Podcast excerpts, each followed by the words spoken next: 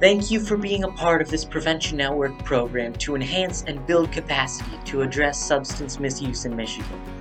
This is Prevention Navigators, a podcast for the SUD prevention workforce. Together, we can shape a future in which all people in Michigan can live a healthy life without the impact of alcohol and substance misuse. Hello, Prevention Workforce. My name is Ruth Schwendinger, and I am joined today by Effie Alofoje-Carr. Effie brings over 13 years of nonprofit experience and public health experience to her position at Prevention Network as a program liaison. Her experiences with project coordination, program and case management, nonprofit consulting, and workshop facilitation on public speaking really equip her well for this role. Uh, Effie is a proud Detroit native and a Michigan State University alumni. Um, she has a passion for public health and its intersection with policy and advocacy. So, thank you so much for joining me today, Effie. I'm, I'm glad that you're part of our team. I'm glad that you're part of this program. Thank you so much, Ruth. I'm really excited to be here today. Well, let's jump right in. Uh, today, we're talking about um, coalition support really specifically. And if you're new to a coalition, what are some of the skills? What are some of the things that you need to really hit the ground running? And so, um, just to, to frame this, I want people to understand that coalition work is important, um, specifically in the drug prevention field, because when we're talking about substance misuse prevention, it's a really complex social issue. There's not a single cause it's an environmental um, concern in a lot of our communities. And I would say all of our communities, but I don't want to presume. So when we're talking about coalition building, it's personal for me because of the history of, of alcoholism in my family, because of my, my many friends who are in recovery in different pathways. So, when we're talking about coalition work, we understand that it's necessary to address this from a lot of different angles. We understand that these issues are prevalent in our communities, and we really want to equip our new coalition leaders with the skills and the knowledge and the networking and the motivation really to make a difference and build healthier communities.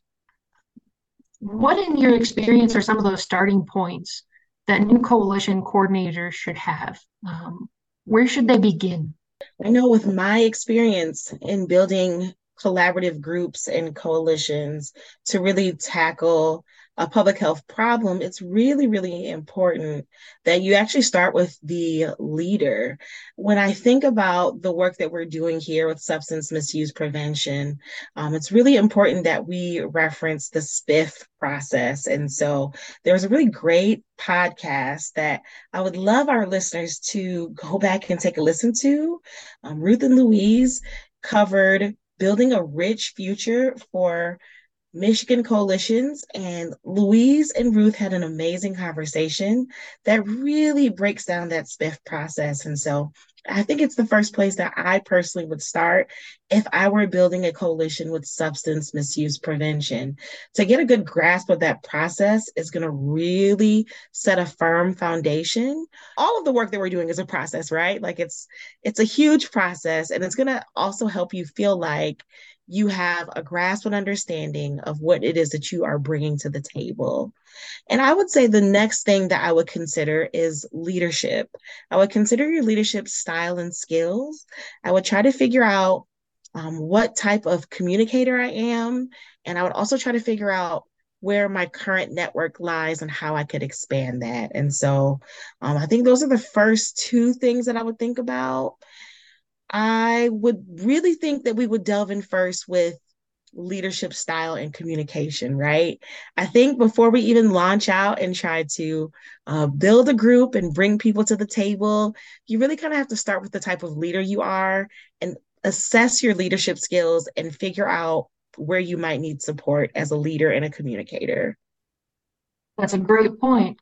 Um, when you're trying to figure out what would use to build a coalition, you want to be able to have a variety of skills and experience.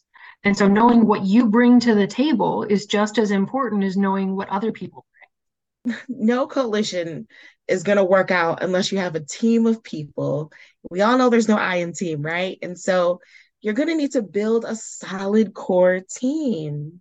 And that team is going to be really critical in helping support building out the work and building out how the coalition expands and even its sustainability in the future.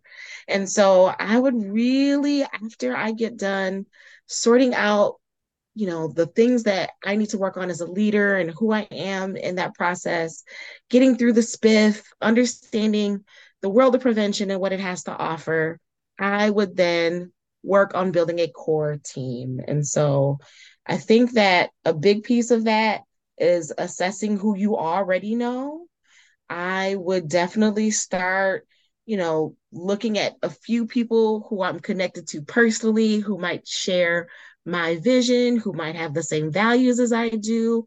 And then I would branch out to looking at other organizations, right? I think that when we connect with organizations who are doing some of the same types of work we're doing or work that's adjacent, we start to kind of connect in ways that bring down silos that benefit the community as a whole. So, Effie, is there a specific resource that you could point people to uh, that might help them do a self-assessment? You know, find out what their leadership style is or their communication style. Yes, so I actually went to an event and got an amazing resource in Ohio.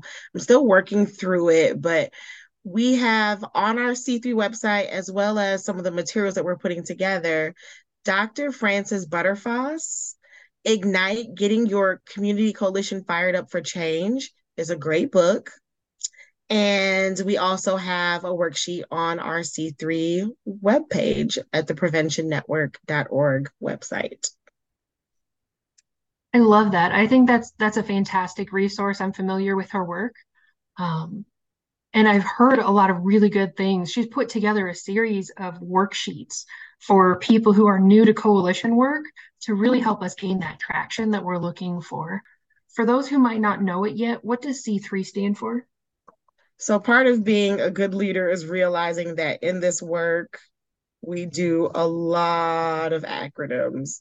Mm-hmm. And having an acronym sheet is very, very helpful. And so when I reference C3, it's because internally we have shortened something called Coalition Support and Community Change down to C3. And I know what I'm talking about. My colleagues know what I'm talking about. But others who are new to your work will not know what you're talking about when you use these types of acronyms. Um, it is important that when you are starting your coalition, and it's something that I did in my former work, um, I was working a lot with parents and they were not working in the public health field day to day the way we were.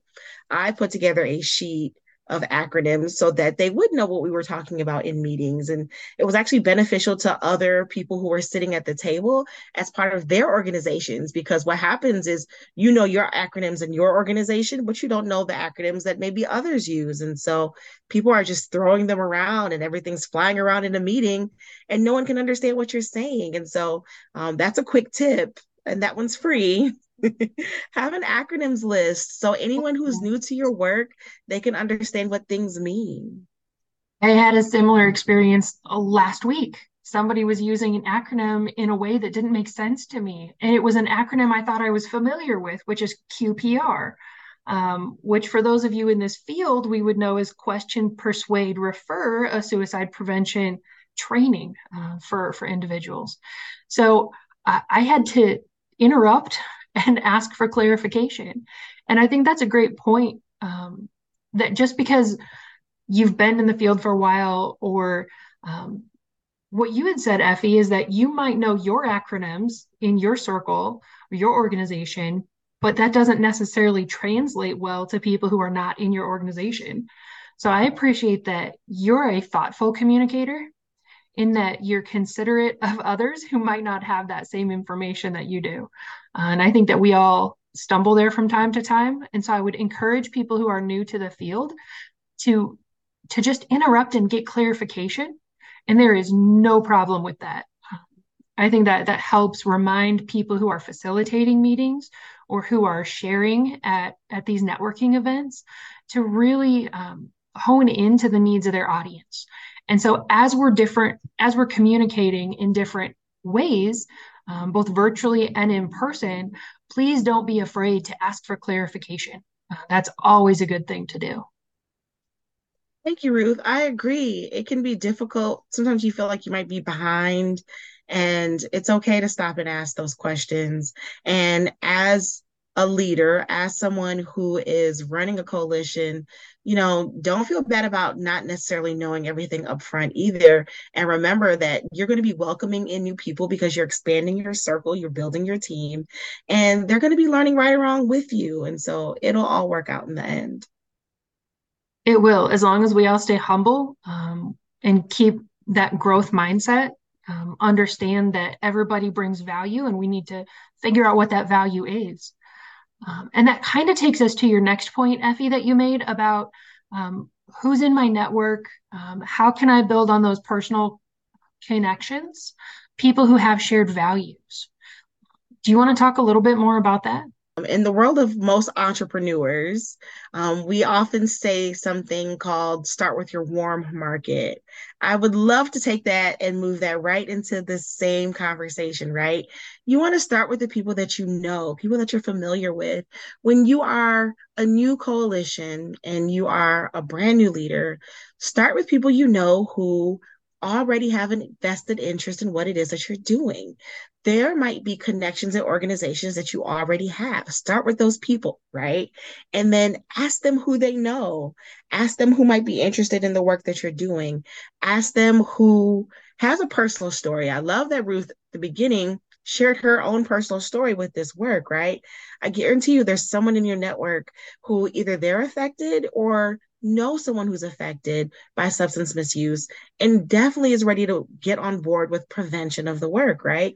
So you want to start with your warm market for sure. You want to talk to people that you can pull in that you already have good positive relationships with and then you definitely want to talk to agencies who have a vested interest in public health right so it could be your local health department it could be another nonprofit up the road. It could be those who are working with youth after school. There are so many organizations and people that you can connect with that might have either the keys to what you're looking for or might be the right people to sit at the table with you. And so I definitely suggest doing that. I am always amazed at who knows someone that I need to know, right?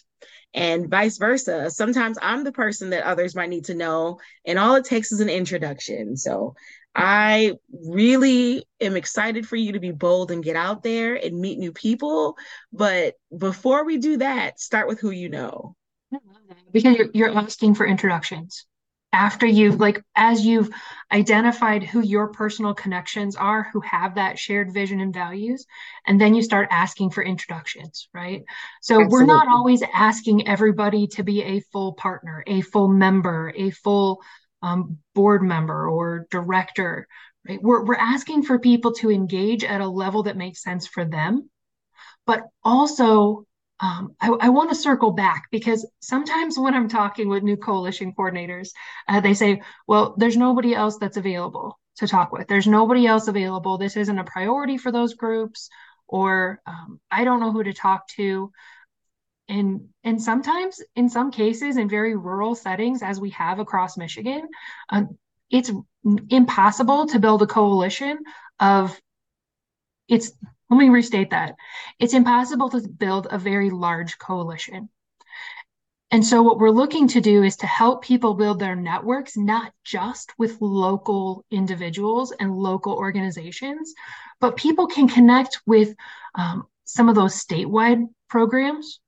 We've got the Michigan Coalition to Reduce Underage Drinking, we've got the Parenting Awareness Michigan Group, right? There are a lot of different organizations at a state level that you could plug into and start receiving support and networking and information and knowledge and training through. It does not have to be specific to your geographic location. Ruth, you bring up an excellent point, especially in the world that we're living in right now, where we can so easily connect with other people across the globe and across the states that we live in here in the United States, right? Because of a touch of a button, Zoom, right? Mm-hmm. There are so many different ways to connect with people virtually that it is a very good thing to think about in being open minded to the fact that you can connect with others that might not be where you live. So it's amazing the stories that you hear about when people connect with Parenting Awareness Michigan, um, how they make connections across the state and across the country. And I say that because I was one of those people before I got as deeply involved with Pam as I am now, I was able to make a connection with someone who lived in Illinois.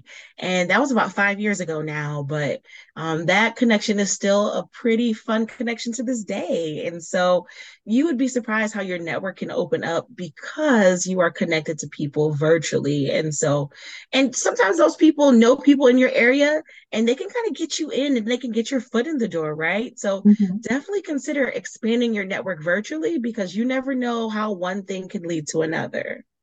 And I think that's a good point. I think that sometimes we we do our work with blinders on. And within the process of the strategic prevention framework, the first step in assessment is define your community. Community does not have to be a geographic location. It does not have to be specific to one substance. It can be broad in scope. It really is a community of people with shared culture or shared understanding and shared values. And so, as you're defining your community, as you're going through that strategic prevention framework process, um, don't limit yourself to what's been done before. Right? I love that definitely do not limit yourself to what's been done before. And that can maybe feel intimidating, but I have so much faith in you, listener, who is getting ready to do this work and embark on this work because you are passionate about it for a reason, right? And so I challenge you to harness that passion and see what opportunities might lie ahead and what excitement might bring to the table for you. Sometimes the very nature of new energy and excitement brings people to the table that you haven't seen before. And when those connections form, magic happens. And that's what we're looking for. When we think about why we're involved in public health, why we want to support our community, it's really because we want to see a lot of magic happen, right? There's so much working against us in this field, but every single last one of us brings a piece to the puzzle that helps support a healthier community. And so I definitely want you to not forget that piece. Love that. And when you're introducing yourself, you're asking for introductions. Um, don't assume that people know who you are and what you're about.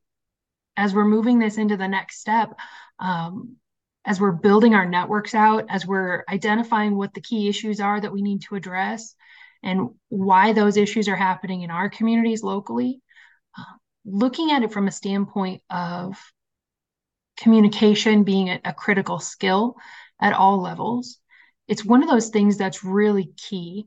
And beyond not making assumptions that people know who you are and what you're about, uh, avoiding acronyms. Effie, I wonder if there are any other like specific skills around that or resources you could point us to to help us build our communication skills. Absolutely. Absolutely. When you want to develop your communication skills, I think it's really first important to think about what your goals of your coalition are so that you can communicate those clearly.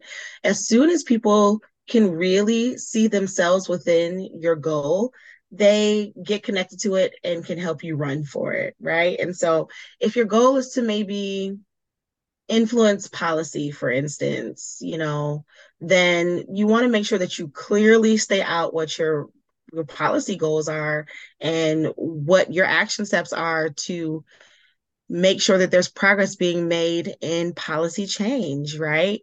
If your goal is harm reduction, then you want to really clearly spell out what it is that you stand for, what resources that you provide to support harm reduction in your community if your goal is just general overall wellness and health and giving people alternative activities, then you want to make sure that everyone around you knows that you are the go to place for activities that support people in their wellness and activities that provide alternatives for perhaps youth or people across the board to engage in that would take them away from utilizing substances, right? You want to be very, very clear on what your niche is. Mm-hmm. So I would say that's one of my first steps for communication, right? Is really, really intense clarity. What is the thing that is your thing?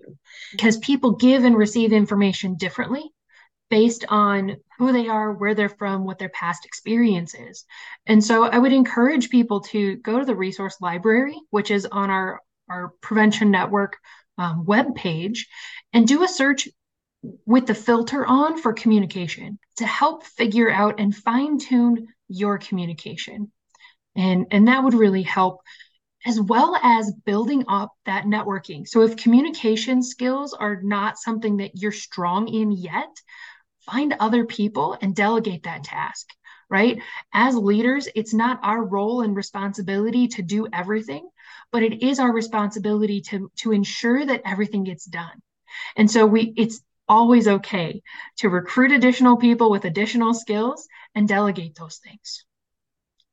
I love that. I love what you said about leaders. It's not always our responsibility to do everything, but we do ensure that everything gets done. I love that so much. And it's so true.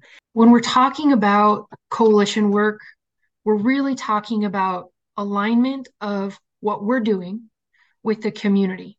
And so, in communication, in networking, in those leadership skills that we have to do, um, make sure that we're aligning with the community, that we're not coming from outside place and saying, this is your problem and this is how to fix it all along, as we're communicating with people, as we're trying to network, the number one skill we need to build is listening. Yes. I'm so glad that you said that because one of the biggest issues that a coalition could have, and I know we're here to talk about ways to make your coalition strong, but we definitely want to touch on an issue that a coalition could have. It could be excluding the community that they're trying to build in those community members should have a front row seat at the table where decisions are being made, where processes are being established so that they are prioritized because it's the work that's supposed to support them, right? And so I appreciate you saying that because you definitely want to take care of that at the front end from the get go. Well, and as you're talking about community ownership and support in an ongoing manner, what we're really talking about there is sustainability. And that's one of the core components of the strategic prevention framework is having that community ownership, not just of the issue, but of the solution. People are not going to feel ownership of your coalition if you're not including them from the outset. So I just want to leave us at that point and, and kind of wrap it up um, are there any things coming up, Effie, that you're aware of that we should invite people to continue to join us on? Absolutely. So I think if you enjoyed this conversation, another thing that you could possibly enjoy is the fact that we regularly hold trainings that support coalitions and coalition leaders. So, coming up here in the month of September, we have got two sessions that are going to help you with the SPIF model. And so, session one is SPIF problem analysis and logic models, and that's on September 19th from 2 to 4:30 p.m. You can register on our site. Session two is going to be conducting a data review, mapping resources across the continuum of care and prioritizing local conditions. And that is on September 25th from 1.30 to 3.30. And you can also register for that on our site. Both of these do have CEUs through MCBAP. So if that's something you need, I know it's something I need, you can get those CEUs as well. So MCBAP is our Michigan Certification Board for Addictions Professionals. And if you're not certified as a prevention specialist and you're listening to this podcast, I would encourage you to look into it. Um, I think it's really helpful to be certified because it builds a, a good ground level of understanding of knowledge and skills. It helps us to have that baseline of how we do prevention across Michigan. And it's an international certification through our Michigan Certification Board for Addictions Professionals that, that can be attained. So I would encourage you to look into that. I am excited for us to continue this conversation, Ruth, because there's so much that we could share um, that supports coalition coordinators.